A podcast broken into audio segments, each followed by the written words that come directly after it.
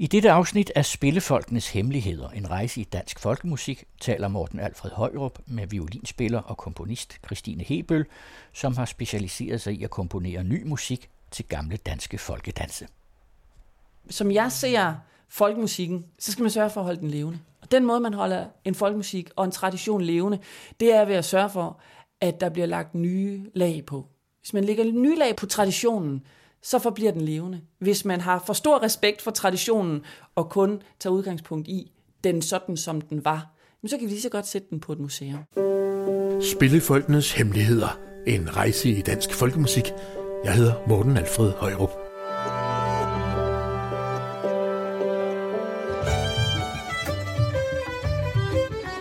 Hvor finder vore dage spillefolk deres repertoire af gamle traditionelle dansemelodier? Hvor vågede var de frække sange på vores bedsteforældres tid egentlig, og kan de stadig få os til at rødme? Hvad spillede vikingerne for 1000 år siden, og hvad spiller de nu? Hvordan kan man bruge de elgamle danske skimteviser og ballader i dag, og hvordan finder man overhovedet frem til dem? Spillefolkenes Hemmeligheder er en podcast-serie, hvor jeg taler med nogle af de mest markante personligheder på den danske folkemusikscene. Jeg spørger ind til kernen i deres virke, og sammen blotlægger vi nogle af deres fags dybeste hemmeligheder. I det her afsnit har jeg talt med den travle violinist og komponist Christine Hebel, som spiller i og skriver musik til bands som for eksempel Trio Mio, Bark og Blik og Hebel Vinterduo, hvor der arbejdes med musik inspireret af genrer som nordisk folkemusik, klassisk musik og jazz. I sit virke som komponist har Christine i årvis arbejdet med at forny den danske folkemusik. Men hvad er det, der inspirerer hende, når hun komponerer, og hvorfor har hun nu kastet sig ud i at komponere ny musik til gamle danske folkedanse? Her spiller Christine Hebøl og vennerne i Mens vi venter på Bølgen Band, en af Christines nye dansemelodier for en sal fuld af glade unge folkedansere.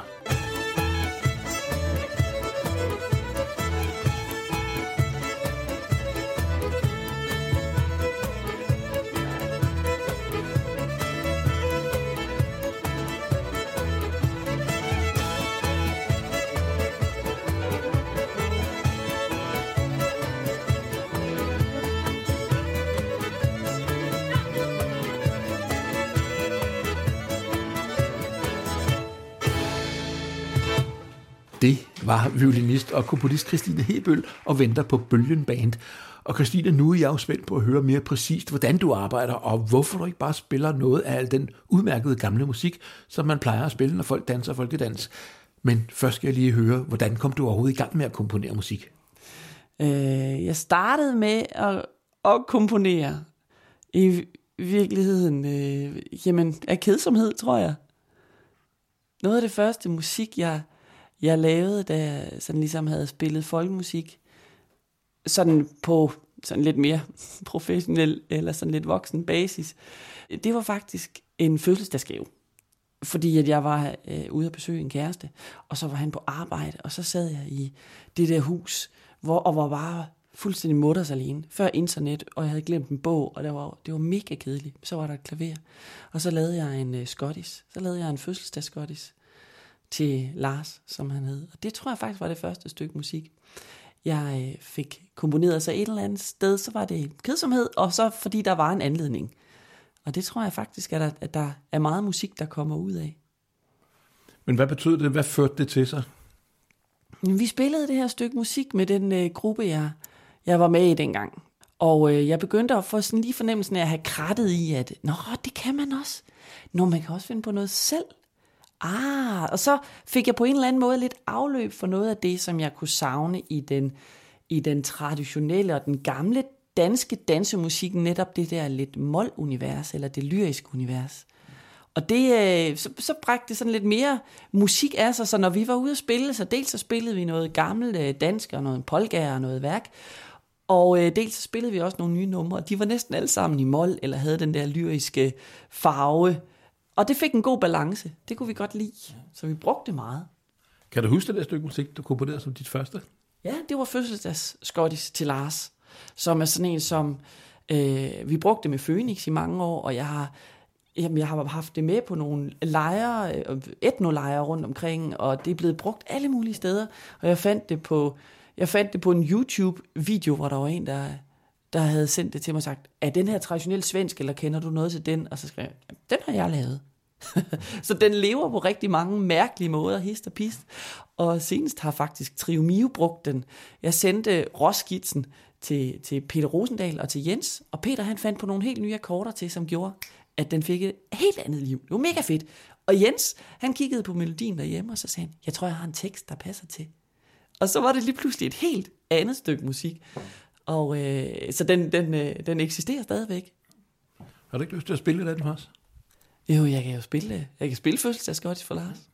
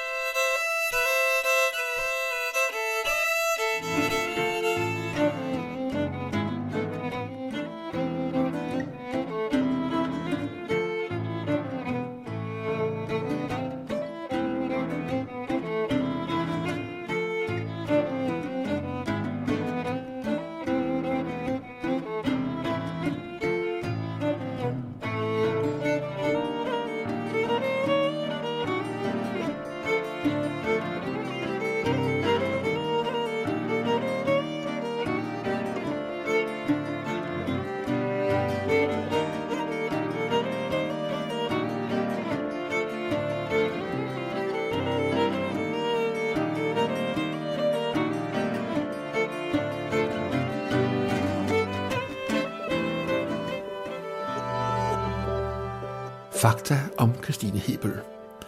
Musiker og komponist Christine Hebel spiller violin og har udgivet en lang række album både solo og med forskellige bands. Hun har i den forbindelse modtaget flere Danish Music Awards, blandt andet som årets danske folkkomponist i 2008. Hun har også mange års erfaring som underviser og koordinator på blandt andet Syddansk Musikkonservatoriums folkemusiklinje og på Syddansk Folkemusik Talentskole. Derudover er Christine Hebel medlem af Danmarks Rigsspillemænd, en eksklusiv klub af danske spillefolk, som har en særlig kærlighed for at begrave sig dybt og længe i den traditionelle danske folkemusik. Og endelig er hun næstformand for Tempi, den danske genreorganisation for roots, folk og verdensmusik. Christine og hendes familie bor i et bofællesskab på en gammel skole i Tommerup på Midtfyn, sammen med blandt andet syv børn og en hel masse dyr. Hvordan kom du i gang med det dermed at komponere til folkedans? Jamen, altså folkedans, musikken, musikken til folkedans, den gamle danske musik, har altid været mit sprog eller min baggrund. Og, øh, og på en eller anden måde har der været, har jeg sådan lidt været, været i sådan en evig kamp med mig selv omkring, hvorfor er det, at jeg ikke bruger min musik til, til, øh, til folkedans? Altså, jeg har spillet en skottis, og jeg har spillet en vals og en alt muligt. Øh, men, men der skulle ligesom et ekstra stykke arbejde til for at gå virkelig i dybden med det der danske balmusikrepertoire. Og for en 4-5 år siden, da jeg var på musik over Præstøfjord, der er de jo sådan meget, øh, meget determineret omkring, at der er noget af musikken, der skal være dansemusik. For det sociale i dansen er så skide vigtigt. Og man er deltager på en anden måde. Og vi blev bedt om at spille med Trio Mio på festivalen. Og det skulle være til dans. Og det har vi gjort et par gange, øh, og været sådan lidt spændte på det hver gang. For jeg er den eneste, der ligesom har den her folkedanse baggrund i Trio Mio. Men de andre gik med på det, og vi spillede et sæt, og det var så fedt. Det var så fedt, og jeg var fuldstændig høj bagefter. Og jeg var fuldstændig høj ved, ved hele, hele danse-viben. Og tænkte, det bliver jeg simpelthen nødt til at kunne kombinere på en eller anden måde. Men hvad er det, der skal til? Altså hvis du er vant til at spille til koncert, og så skal spille til dans, hvad er det for nogle hensyn, der skal tages, for at det fungerer til dans? I min optik, så skal man som musiker til dans, så skal man, øh, så skal man have respekt for hele situationen. Altså man skal ikke øh, stå på en scene og, og trykke på en knap og spille det materiale, det repertoire, øh, det sæt, man har tænkt sig. Men man skal kunne tage bestik af situationen og have respekt for danserne. Øh, kunne fornemme, om musikken er for hurtig eller for langsom, eller om den svinger på en speciel måde, eller om, om, øh, om, om et nummer er for langt, eller om et nummer er for kort. Øh, og det der, det skal man have respekt for. At danserne er en lige så stor del af det, hvad kan man sige, det kunstneriske udtryk, der er ved et bal. Det skal man have respekt for, og det skal man egentlig kende ret godt til. Så det er ikke bare et spørgsmål om at kunne spille noget musik, som der i princippet kan danses til. Det er også måden, man spiller det på. Ja, det vil jeg sige. Man skal kunne, man skal kunne tage bestik af, af danserne, deres fødder og deres kroppe og hvad der sker på et dansegulv. Det er i hvert fald, som jeg ser det, en meget vigtig del af at være en god balmusiker. Og det der skulle så inkorporeres med, med det nykomponerede, Og jeg tænkte, hvordan hun giver jeg mig i kast med det? Øh, eller hvordan, hvordan, hvordan tager jeg min del af opgaven med at øh, give nyt liv til, til den der balscene, eller til det der dansemiljø? Og, og så øh, fik jeg et arbejdslegat fra DJBFA, altså Komponistforeningen, hvor jeg fik beskrevet, at jeg ville skrive musik helt konkret til dansk bal. Og derfor øh, gik jeg simpelthen i, i arbejdslejr i to måneder, hvor jeg øh, satte mig ned en uge af gangen og arbejdede med en, en ny slags dans. Og, og, og gik i dybden med et bestemt slags musik til en bestemt slags dans, faktisk taget ud fra de der gamle danske klassikere, som 358 danske folkemelodier, og jeg dykkede ned i en masse Fanø-materiale, og jeg dykkede ned i, i nogle, nogle 1800-tals reels, for ligesom at få en anden vinkel på, på fireture, end hvad der står i de her 358 folkedansemelodier. Og, øh, og det, det udmyndtede sig i en, jamen jeg tror, jeg, jeg nåede at skrive 45 stykker musik, som jeg var tilfreds med. Altså der var nok også lige så meget, der røg i skraldespanden. Og ud af det, så fik jeg øh, lavet en, en masse musik til den nye bal, som jeg faktisk er skide glad for. Og som har den der, den der balance mellem, at der er noget... Øh, altså det, det er direkte beregnet til dansere og til ballet og til de trin, der skal til, og hvor er der klap, og hvor er der lange gåtrin eller gangtrin, hvor er der huretrin, eller hvor er der noget, der ligesom er specielt, som man kan tage stilling til, at man kan øh, underbygge i musikken også. Øh, og så er der en progression i musikken, sådan harmonisk eller melodisk. Og de to ting, synes jeg, jeg har kombineret og har lykkes mig at kombinere på en, en god måde. Hvorfor er det vigtigt at lave ny musik øh, til at danse til? Det er et skide godt spørgsmål. For i bund og grund, så er det jo ikke, er det jo ikke ringe, den musik, der er. Vi har jo faktisk, øh, jeg tror det er 500 melodibøger på Folkemindesamlingen, ikke? 500 gamle melodibøger, der er blevet gemt. Hvorfor tager man ikke bare noget for dem? Altså, der er jo et vanvittigt stort materiale, som man kan tage fat i. Men som, som jeg ser folkemusikken, så skal man sørge for at holde den levende. Og den måde, man holder en folkemusik og en tradition levende, det er ved at sørge for, at der bliver lagt nye lag på. Hvis man lægger nye lag på traditionen, så forbliver den levende. Hvis man har for stor respekt for traditionen og kun tager udgangspunkt i den sådan, som den var, så kan vi lige så godt sætte den på et museum. Og nogle mennesker, nogle musikere, jamen de er branddygtige fortolkere. Og, de, no, og så på den måde lægger de et nye lag af sig selv i. Og nogle musikere, de er skide gode til at finde nye melodier og give dem nyt liv i de der, i de der gamle støvede manuskripter. Og nogle musikere, de komponerer nyt. Og det er det, jeg gør. Det er min måde at holde folkmusikken i live, og jeg kan fornemme, at hvis jeg spiller et stykke musik, som der for mig er en historie bag, og når jeg så spiller den til dans, så går det hele op i en højere enhed. Og det, øh, jamen, det giver simpelthen bare mest mening for mig som musiker.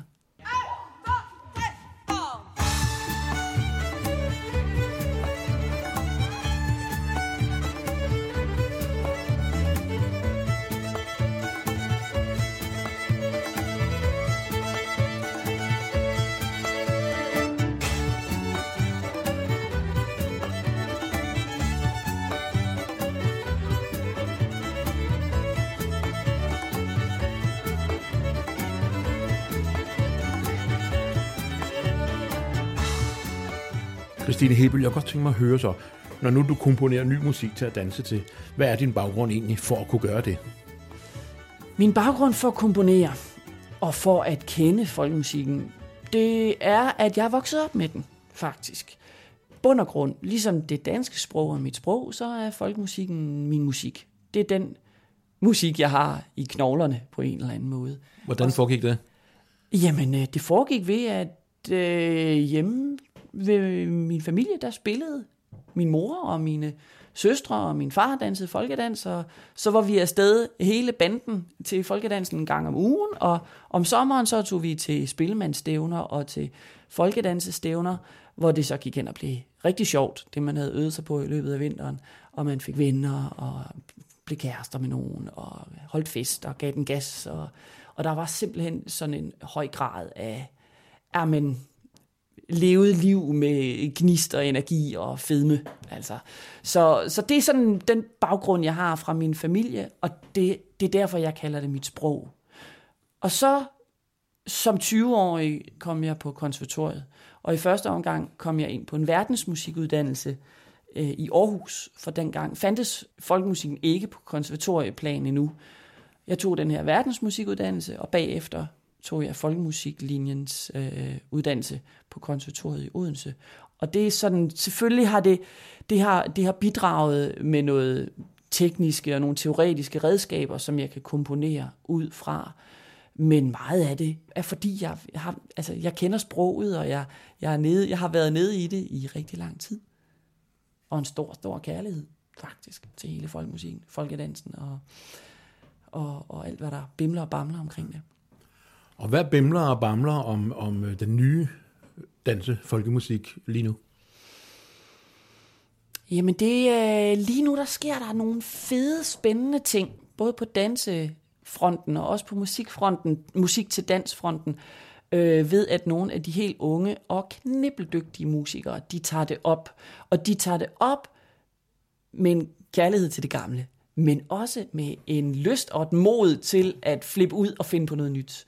Øh, Mads Hansens kapel, for eksempel, laver jeg nogle vildt fede ting til dans i et i sådan et spænd af nykomponeret og gammelt, men med basis på det gamle.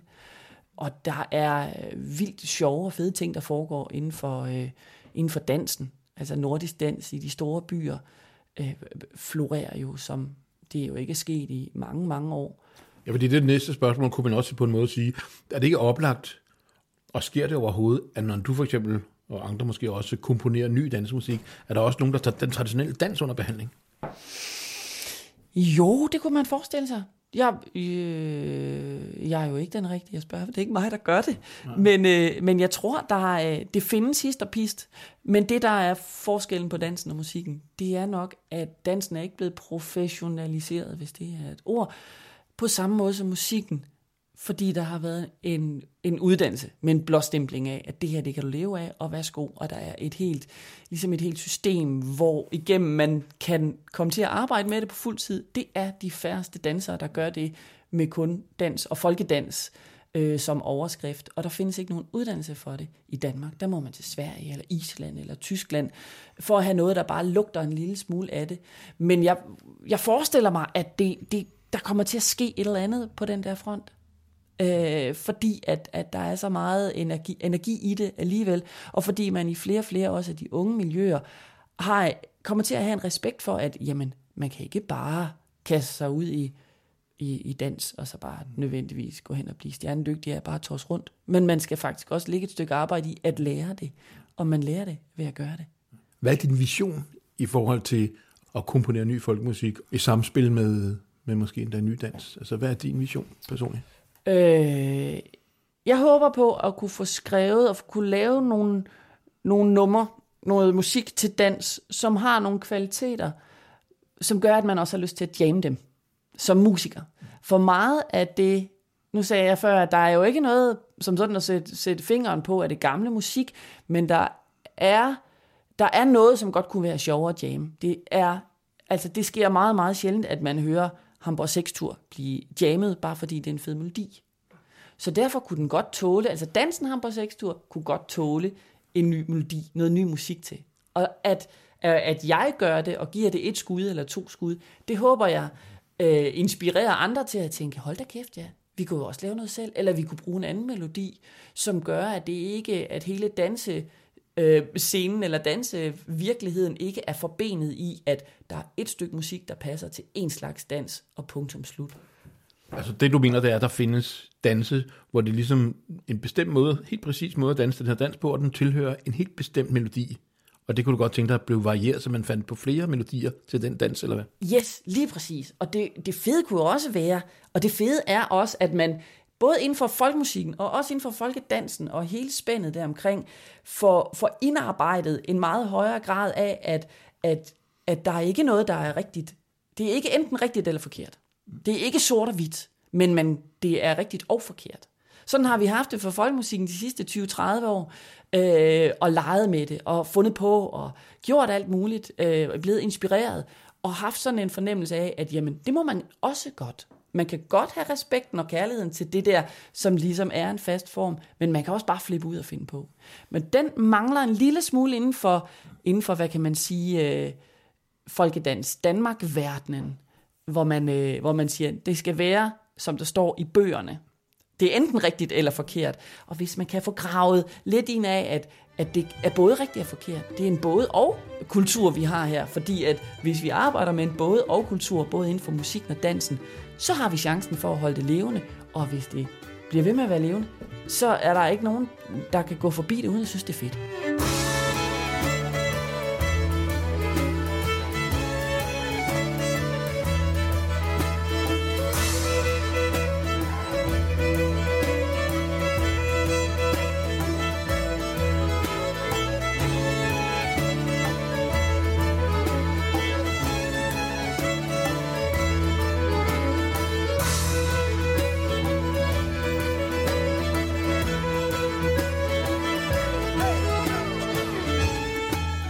Okay, Christine Hebøl, hvad er hemmeligheden, hvis man nu gerne vil komponere noget ny musik, som øh, folkedanser vil synes, det er spændende at danse til? Hvad, hvad skal man gøre? Hvad er hemmeligheden? Hvad kræver det?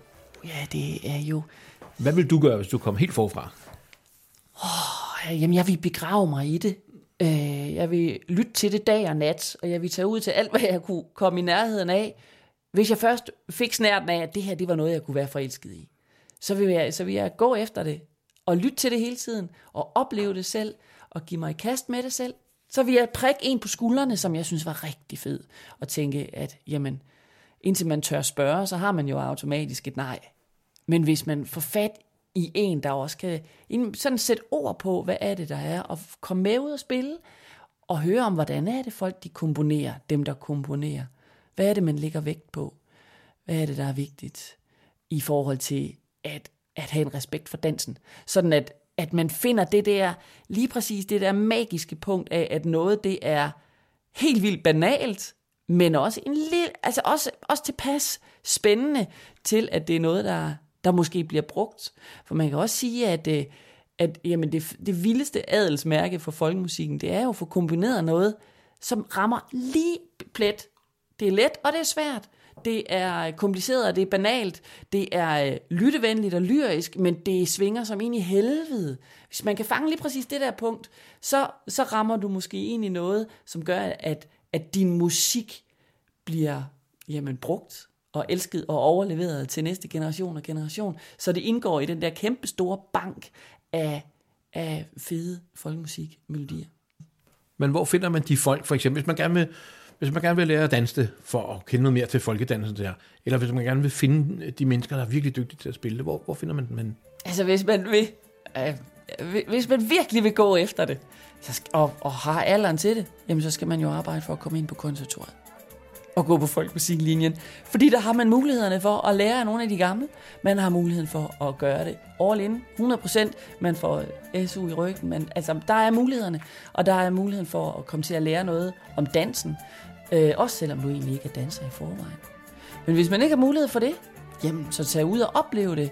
Øh, søg efter det på Spotify. Lyt en masse til, hvad der findes af radioudsendelser, podcasts og nye og gamle. Og, og, øh, og hvis du møder en i, i levende liv, i en real life, som du synes er for fed, så prik ham eller hende på skulderen og tænk, hvordan fanden gjorde du det der?